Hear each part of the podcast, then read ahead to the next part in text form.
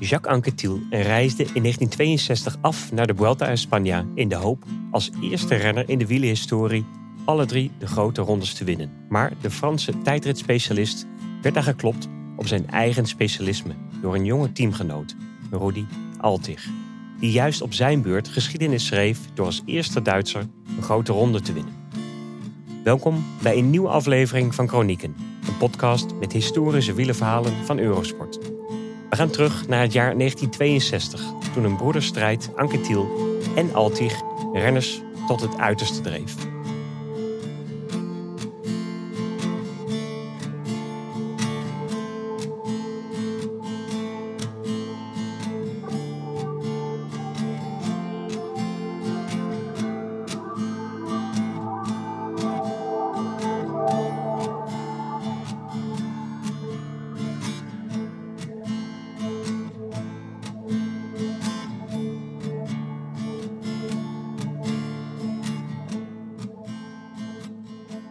Rudi Altig kon een kunstje. De grote Duitser met de brede kaaklijn was een van de eerste Europese beoefenaars van yoga. En dat hielp hem te ontspannen en zijn ademhaling te controleren op de wielenbaan, waar hij in de jaren 50 en 60 domineerde. Dan ging hij op zijn kop staan, waarbij hij zichzelf ondersteunde met zijn krachtige onderarmen en zich pas weer liet zakken als hij er zelf klaar mee was. Ooit liep hij zelfs in een café in het Franse La Rochelle op zijn handen de deur uit. Altig was buiten de koers een van de meest kleurrijke renners van zijn generatie, maar hij bezat op de fiets ook het talent om dat gedrag te rechtvaardigen. Er zijn tenslotte niet veel renners die meteen hun eerste grote ronde winnen, en dan ook nog ten koste van een kopman die een van de beste renners van zijn generatie was. Voor 1962 had Jacques Anquetil al tweemaal de Tour de France en Parijs-Nice gewonnen. Eenmaal de Giro d'Italia en heerste hij internationaal op de tijdrit. Nu? Toen meldde het tijdschrift Miroir du Cyclisme aan het begin van het seizoen richt de Fransman zich op de Ronde van Spanje in plaats van de Giro d'Italia. Omdat hij de eerste renner in de geschiedenis wil zijn die alle drie de grote rondes op zijn naam weet te schrijven. De Vuelta groeide in die tijd in aanzien en trok een steeds internationale publiek aan. Dat nu de geweldige Anquetil, de man die Monsieur Chrono werd genoemd vanwege zijn uitstekende tijdritkwaliteiten, aan de start verscheen, was een enorme overwinning. Op een parcours zonder hooggebergte en met een individuele tijdrit van maar liefst 82 kilometer leek de 28-jarige Anquetil de absolute topfavoriet voor het geel. En niet alleen leek het profiel van de ronde op zijn lijf geschreven, maar de Fransman werd ook nog eens omringd door het sterkste team. Hij kon binnen de Saint-Raphaël-ploeg rekenen op de steun van Jean Stablinski, zelf een paar jaar eerder winnaar van de Vuelta. De veelzijdige Belg Marcel Janssens, de Ierse sprinter Shea Elliott en dus Rudi Altig, de Duitser die al zoveel indruk had gemaakt op de baan en nu ook op de weg een gouden toekomst werd voorspeld. Toen Saint-Raphaël in Benidorm de vijfde etappe een ploegentijdrit won, leek Anquetil hard op weg om geschiedenis te schrijven. Maar in plaats daarvan zou de trotse Fransman binnen dan twee weken later met de staart tussen de benen vertrekken. Nadat diens jonge teamgenoot Altig uit zijn schaduw tevoorschijn was gekomen om zelf Duitse wielengeschiedenis te schrijven. Het was het startschot van een rivaliteit die de rest van hun carrière stand hield. Anquetil arriveerde in Spanje voor het completeren van zijn grote ronde-trilogie. Met de 25-jarige Altig als late toevoeging aan zijn voortreffelijke Saint-Raphaël-ploeg. Ploegleider Rafael Geminiani had aanvankelijk getwijfeld of Altig wel klaar was om een grote ronde te rijden. En hij wilde dat de baan- en een zesdaagse specialist zichzelf eerst in de Vuelta zou bewijzen om zo een plekje in de tourploeg te verdienen. Altig voldeed aan alle vooroordelen die je zou kunnen hebben van een Duitse renner.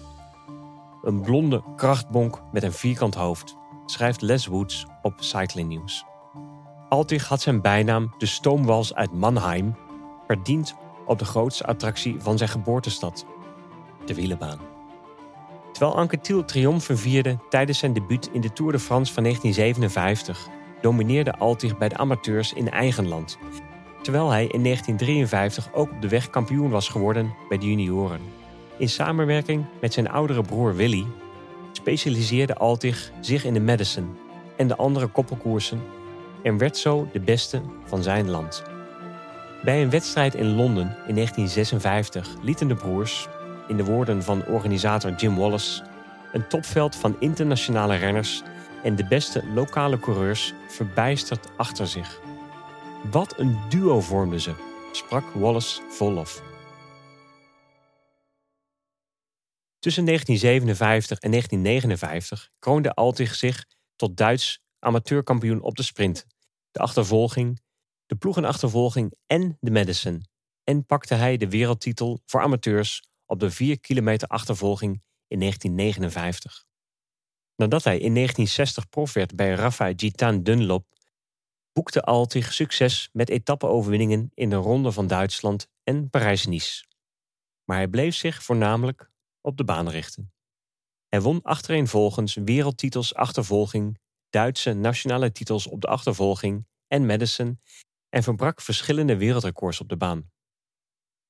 Hij deed zijn fietsen evenveel pijn als zijn tegenstanders, zei de gevierde Franse wielerauteur en scenario-schrijver Olivier Daza.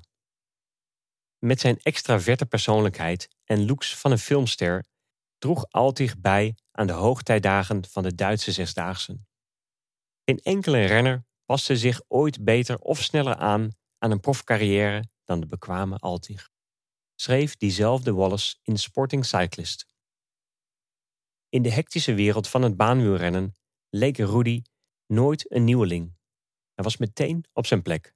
Hij reed alle gevestigde sterren voorbij en begon al snel de tribunes te vullen met supporters die sinds de oorlogsjaren waren weggebleven. Hij bracht het wielerspektakel terug naar Duitsland. Met zeven wielerbanen in eigen land, meer dan in de rest van Europa, zat Altig niet om wedstrijden verlegen en verdiende al snel het grote geld. De ondeugende grappenmaker Altig was een publiekslieveling en was al even geliefd bij zijn collega's en journalisten. Fotografen genoten ervan om zijn diverse fratsen voor het nageslacht vast te leggen, inclusief het dragen van verschillende hoeden tijdens koersen. Zijn groeiend succes op de weg lokte nog meer toeschouwers naar de Zesdaagse en trok de aandacht van Gimignani, die Altig in 1962 oppikte voor zijn Saint-Raphaël-ploeg. En een jaar later haalde hij ook zijn oudere broer erbij. Hoewel Willy niet zo succesvol was als Rudy, was hij toch al acht jaar lang prof. Zijn enige profzege boekte hij in een etappe in de Giro van 1964. Het was Gimignani die de jongere Altig aanspoorde om zijn horizon te verbreden, hem ervan overtuigde zijn potentieel op de weg aan te spreken. Rudy was heel snel en sterk, maar hij twijfelde over het rijden van grotere wegraces. Totdat ik hem vertelde dat als hij er een paar zou winnen, zijn honorarium voor de zesdaagse zou verdubbelen. Dat overtuigde hem, zei Gimignani ooit. Dat deed het zeker. De overstap van Altig naar de weg was ronduit sensationeel. Nadat de Spanjaard Antonio Burriata de openingsrit van en naar Barcelona won en zo de eerste gele trui veroverde, nam Saint-Raphaël de koers in handen. In etappe 2 gingen maar liefst zes van hun tien renners in de aanval en belandden uiteindelijk Anquetil, Altig, Stablinski en Elliot in de kopgroep, samen met de Fransman Jean-Claude Anard en de Nederlander Michel Stolker. Altig sprintte in Tortosa naar de winst en de gele trui, terwijl de achtervolgende groep op 10 minuten achterstand binnenkwam en het peloton zelfs een kwartier moest toegeven. Het Franse team had het tempo zo hoog gehouden in de vlucht dat hun eigen renner, Marcel Keheije, buiten de tijdslimiet finishte en zo de ronde moest verlaten. Het was direct duidelijk dat het de tactiek van Gimignani was om zijn team de koers van het begin tot het einde te laten controleren. Renners in alle ontsnappingen mee te sturen, de tussensprinten en prijzen op te eisen en etappes te winnen. Totdat, zoals gepland, Maître Jacques twee dagen voor het einde in de monsterlijke tijdrit de macht zou grijpen. Toen Altig na twee dagen de gele trui afstond, was dat aan zijn Ierse teamgenoot Elliot, die de Spanjaard Manuel Martin in Benidorm klopte in een sprint à deux. Na de finish moest de ploegleider van Cas, de ploeg van Martin, toegeven: Saint-Raphaël is het Real Madrid van het wielrennen. En daar viel weinig tegenin te brengen. De overwinning in de ploegentijdrit de volgende dag onderstreepte de suprematie van Saint-Raphaël. waarna Altig op dag 7 in Almeria met zijn tweede etappe-overwinning de gele trui heroverde. Hoewel Elliot en Altig die eerste week de gele truien dus netjes onderling verdeelden, was Anquetil nog steeds de aangewezen leider binnen een ploeg die de koers in een verstikkende houtgreep hield. Een team dat uiteindelijk 11 van de 17 etappes zou winnen. Toch breidde de Duitse debutant ondertussen wel zijn voorsprong op zijn Franse kopman uit tot 5 minuten. En begonnen er enkele barstjes zichtbaar te worden in Anquetils verder zo gladde voorkomen.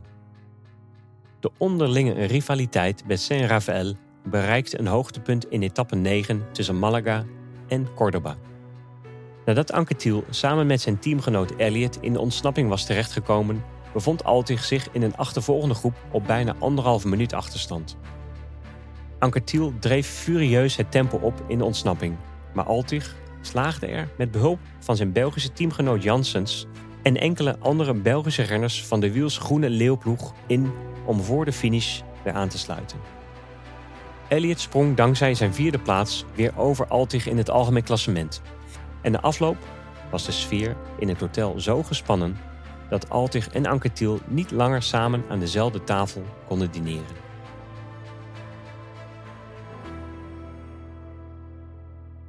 Ondanks de interne strubbelingen bleven de overwinningen elkaar opvolgen. Stablinski pakte er een en ook de Nederlander Ab Geldermans mocht een keer juichen, voordat de Fransman Jean Grazic twee dagen achter elkaar prijs had voor de cruciale tijdrit in etappe 15. Anquetil's plan om af te rekenen met de concurrentie in deze uitputtingsslag tegen de klok tussen Bayonne en San Sebastian was een groot succes. Op één kleinigheidje na. Hoewel hij inderdaad minuten voorsprong nam op al zijn rivalen, had hij er geen rekening mee gehouden dat een van zijn knechten zijn gelijke zou zijn op dit 82 kilometer lange parcours. Hierin moest de Alto de Ibardin, een kol van de tweede categorie, beklommen worden en Anquetil, 's werelds beste tijdrijder, over wie een verslaggever ooit zei dat hij van elke kilometer 900 meter leek te maken, was ervan overtuigd dat hij de dag in het Maillot Amarillo zou afsluiten. Gele truidrager Elliot was immers geen specialist en zou zeker geen sta in de weg mogen vormen voor zijn kopman. Maar voorafgaand aan de etappe werd aan Altig, nog steeds tweede in het algemeen klassement met iets minder dan vijf minuten voorsprong op zijn Franse teamgenoot, gevraagd of Anquetil de etappe zou winnen. De Duitser antwoordde stellig: Ik ga winnen. Altig had alle reden om zelfverzekerd te zijn.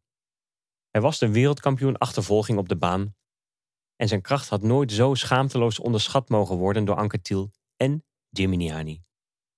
Maar die wereldtitel was op de baan behaald en betrof inspanningen van slechts enkele minuten. Deze uitdaging was een rit van ruim twee uur over glooiende wegen, een totaal ander paar mouwen. De krachtige Duitser liet het echter allemaal gelaten over zich heen komen. Toen Anquetil de finish in San Sebastian passeerde, zette hij voorlopig de beste tijd neer van 2 uur 17 minuten en 8 seconden. Maar niet veel later was Altig 1 seconde sneller. Met zijn derde etappe-overwinning veroverde de Duitser ook voor de derde keer de gele trui. Anquetil, zijn naaste concurrent, bevond zich nu op een achterstand van 4 minuten en 52 seconden.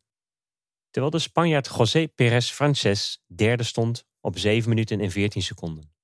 Met nog twee heuvelachtige etappes te gaan, hadden Spaanse fans hernieuwde hoop dat Pérez Frances kon profiteren van de verdeeldheid binnen Saint-Raphaël. Maar Altig verdedigde met succes zijn voorsprong in de op één na laatste etappe naar Vitoria. Waar hij de sprint van het peloton won, dan dat zijn teamgenoot Grazic als rapste van een driemans kopgroep zijn derde overwinning in vier dagen had behaald. Het grote nieuws was echter dat Anquetil ver achter het peloton binnenkwam, vrijwel afstand deed van zijn streven om de eerste man te worden die alle drie de grote rondes zou winnen. Geruchten begonnen zich als een lopend vuurtje te verspreiden. En de volgende ochtend, voor de laatste etappe, werd het bevestigd. De Fransman zou naar verluid lijden aan blinde darmontsteking of een maaginfectie. De Franse pers zou het met het nodige gevoel voor drama, om niet te zeggen misleidend, schrijven: Anquetil est mort. Anquetil is dood. Toen de vernederde tweevoudig toerwinnaar de koers verliet. Zuurder dan de citroenpers verliet Anquetil de koers met de woorden: Iedereen weet wat er is gebeurd. Als het aan mij lag, zou het hele team zich samen met mij terugtrekken en Altig in zijn eentje achterlaten. De Duitser was nog maar vijf beklimmingen, waaronder de beroemde Solube, verwijderd van een legendarische overwinning. En hoewel hij geen klimspecialist was, kon Altig in die slotetappe naar Bilbao alle versnellingen van Perez Frances pareren. En zo in zijn eerste grote ronde meteen de eindzege pakken. De Spanjaard eindigde op grote achterstand, terwijl Elliot de laagste trede op het podium innam. Met nog eens drie renners van Saint-Raphaël in de top 10. Waar er vooraf bij zijn ploegleider Gimignani nog twijfels waren of hij te jong of te onervaren zou zijn om de Tour te rijden, had Altig iedereen versteld doen staan in de Vuelta en zijn eigen kopman een zeker lijkende overwinning ontnomen. Opvallend genoeg slaagde Altig daar vooral in door als een van de weinige renners de grote Anquetil te verslaan in een tijdrit. Het was dus echt een overwinning à la Anquetil. Misschien niet heel spectaculair, maar wel dodelijk klinisch. Altigs onverwachte overwinning in de Vuelta ten koste van Anquetil had dieper verdeeldheid binnen Saint-Raphaël gecreëerd. Maar tegelijkertijd had het laten zien dat de Duitser gewoonweg te sterk en te getalenteerd was om buiten de ploeg van de Fransman te worden gelaten bij de verdediging van diens toerzegen. Dus ging Altig zes weken later naar de Tour, waar hij prompt de openingsrit tussen Nancy en Spa won en de eerste gele leiderstrijd mocht aantrekken. Dit tot grote ergernis van Anquetil natuurlijk. Met zijn zegen had hij Rick van Looy, Anquetils grote concurrent voor het eindklassement, wel een mogelijke tijdbonus van een minuut ontnomen. Maar het had ook onnodige druk gelegd op de ploeg, die nu gedwongen werd om Altigs gele trui te verdedigen. De Duitser stond de leiderstrui bij de eerste gelegenheid weer af, om vervolgens weer even snel terug aan de top van het klassement te belanden na het winnen van etappe 3, van Brussel naar Amiens. Een derde etappeoverwinning volgde in de laatste week en betekende dat Altig vrijwel verzekerd was van de groene trui. Gelukkig voor Gimignani was de orde weer hersteld in de tijdritten. Anquetil won de eerste inspanning van 43 kilometer naar La Rochelle en deed dat vervolgens dunnetjes over in de beslissende tijdrit van 68 kilometer naar Lyon. Waarin hij bovendien de koppositie pakte met slechts twee etappes te gaan. Deze keer loonde Anquetils berekenende tactiek. De Fransman greep zijn derde toerzege met een voorsprong van 5 minuten op de Belg Jo terwijl Altig ruim een uur achterbleef op de 31ste plaats.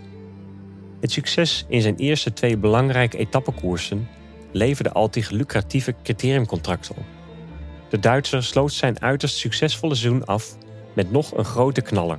De nu niet meer bestaande Trofeo Maracchi, een loodzware koppeltijdrit waarvoor zijn partner niemand minder was dan Monsieur Anquetil.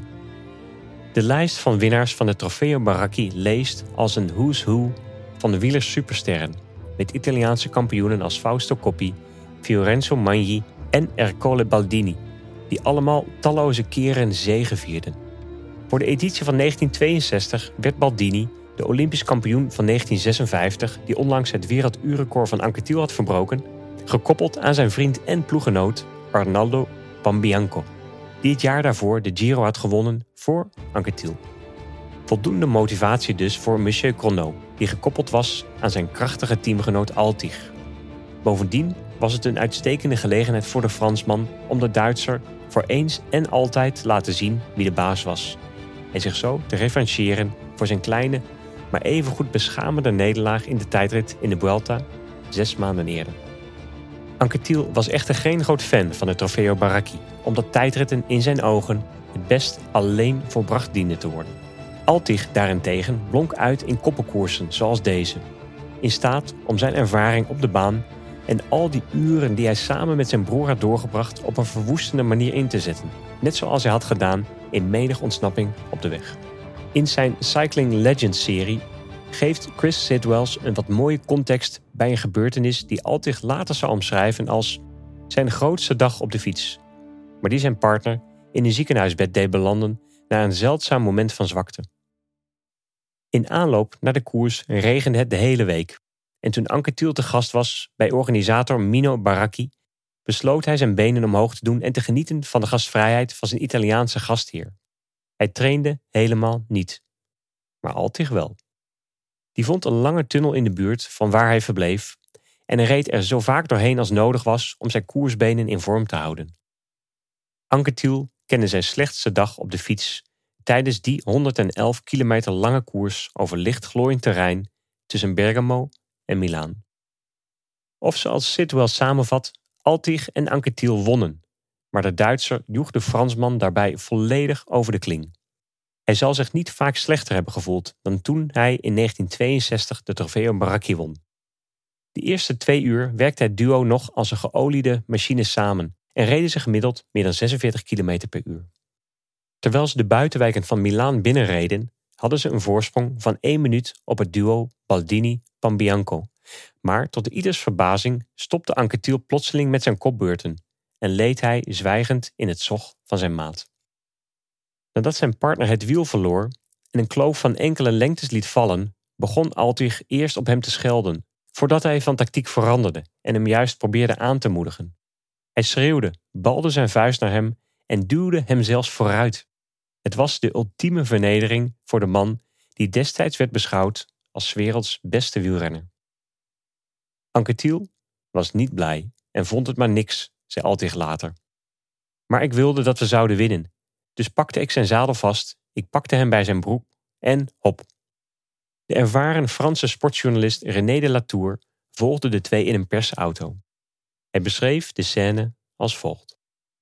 Toen Anquetil zijn wiel kwijtraakte, moest Altig vertragen, wachten tot zijn partner voorbij was, hem een stevige zet in de rug geven om daarna opnieuw naar voren te sprinten en weer het tempo naar 45 km per uur op te trekken. De Latour zei dat het de meest opmerkelijke sportieve prestatie was die hij in 35 jaar wielerverslaggeving had gezien. Anquetil's jour sans werd pijnlijk duidelijk bij het binnenrijden van het Figorelli Velodroom, waar zowel hij als Baldini hun werelduurrecords hadden neergezet. Versuft, krachteloos en lijkbleek vloog Anquetil uit de scherpe bocht die de baan opleidt, botste tegen een paal en kwakte als een zielig hoopje tegen de grond waar hij bleef liggen met een zwaar gekneusde arm en een bloedende wond in zijn gezicht. Gelukkig voor het duo stonden de tijdwaarnemers bij de ingang van het velodroom en was hun tijd voldoende om de trofeo met 9 seconden te winnen. Terwijl Altig een ereronde maakte, werd Anquetil in een ambulance geladen en naar het ziekenhuis gebracht. Als Anquetil Altig al als een bedreiging zag na de Vuelta, dan bevestigden diens capriolen tijdens de Trofeo Baracchi het vermoeden van de Fransman dat zijn Duitse teamgenoot niet te vertrouwen was. Anquetil concludeerde dat Altig hem duidelijk probeerde te ondermijnen en hem bij Saint-Raphaël van de troon wilde stoten. De twijfel over andermans betrouwbaarheid was overigens wederzijds. Altig had op meer steun van de Fransman gehoopt in de klassiekers, maar dat bleek vaak vergeefs. Hoewel de sportieve verstandhouding tussen de twee dus verslechterde, konden Anquetil en Altig het buiten de koers verrassend goed met elkaar vinden.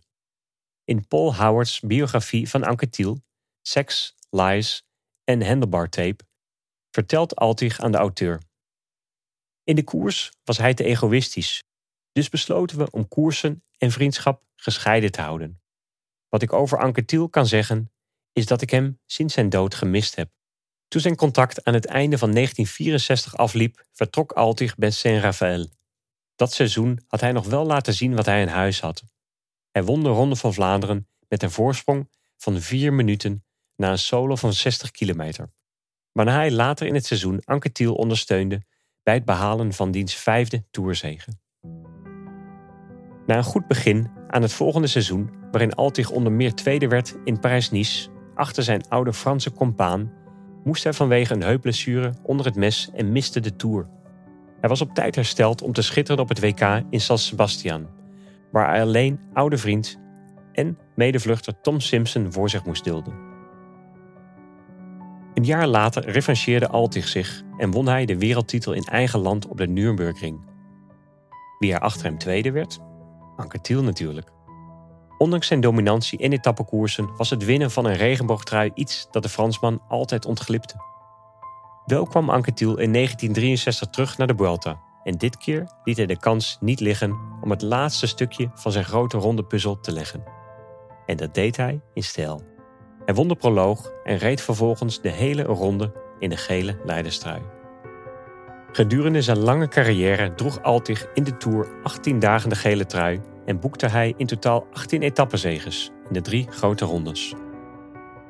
In 1968 voegde hij Milaanse Remo toe aan zijn palmares en al die tijd bleef hij ook in heel Europa zijn opwachting maken op de wielenbaan. Dat deed hij jaarlijks zo trouw dat hij zelfs nooit de Ronde van Lombardije reed, omdat hij samenviel met het begin van het winterseizoen op de baan. Hij was, zegt Woodland, niet alleen de grote ster van Duitsland in de jaren 60, maar zo ongeveer de enige ster. Zijn laatste optreden in de Tour was Eddy Merckx eerste in 1969, toen de Belg een dominante debuutoverwinning behaalde. Maar Altig was nog niet helemaal bereid om zich over te geven aan de nieuwe generatie. In de openingstijdrit van 10,4 kilometer rond Roubaix versloeg Altig Merckx met 7 seconden. Waardoor de Belg de volgende dag niet met de gele trui om zijn schouders zijn thuisstad Sint-Pieters-Woluwe kon binnenrijden. Het was een prestatie die dit denken aan zijn overwinning van 1 seconde op Anquetil in de beslissende tijdrit van die onvergetelijke Vuelta van 1962. En het omlijstte zijn carrière prachtig. Geen enkele andere wielrenner in de geschiedenis kan beweren beide vijfvoudige tourkampioenen in een strijd tegen de klok te hebben verslagen. Altig ging twee jaar later, op 34-jarige leeftijd, met pensioen. Hij werd in de jaren 80 ploegleider bij Poeg Wolber, een voorloper van de latere System U-ploeg, en was ook bondscoach van het Duitse nationale team, voordat hij het commentaar bij Eurosport ging verzorgen. Hij overleed in 2016 op 79-jarige leeftijd aan kanker. In een passage in Tim Krabbe's baanbrekende roman De Renner haalt hij een anekdote aan over Altig, waarin hij sprak over zijn favoriete koers. En hoewel Anke Thiel hierin natuurlijk niet kon ontbreken, ging het niet om die keer dat hij zijn teamgenoot de overwinning in de Vuelta ontzegde en de eerste Duitse winnaar van een grote ronde werd, maar over die koers die ze gezamenlijk wonnen. Toen ze aan het einde van zijn carrière aan Rudy Altig vroegen, schrijft Krabbe, wat zijn grootste wedstrijd was, noemde hij niet zijn wereldkampioenschap op de weg van 1966 of zijn overwinning in de Spaanse Vuelta van 1962, zijn gele truien in de Tour de France of zijn talloze achtervolgingskampioenschappen. Hij sprak over de Trofeo Baraki van 1962.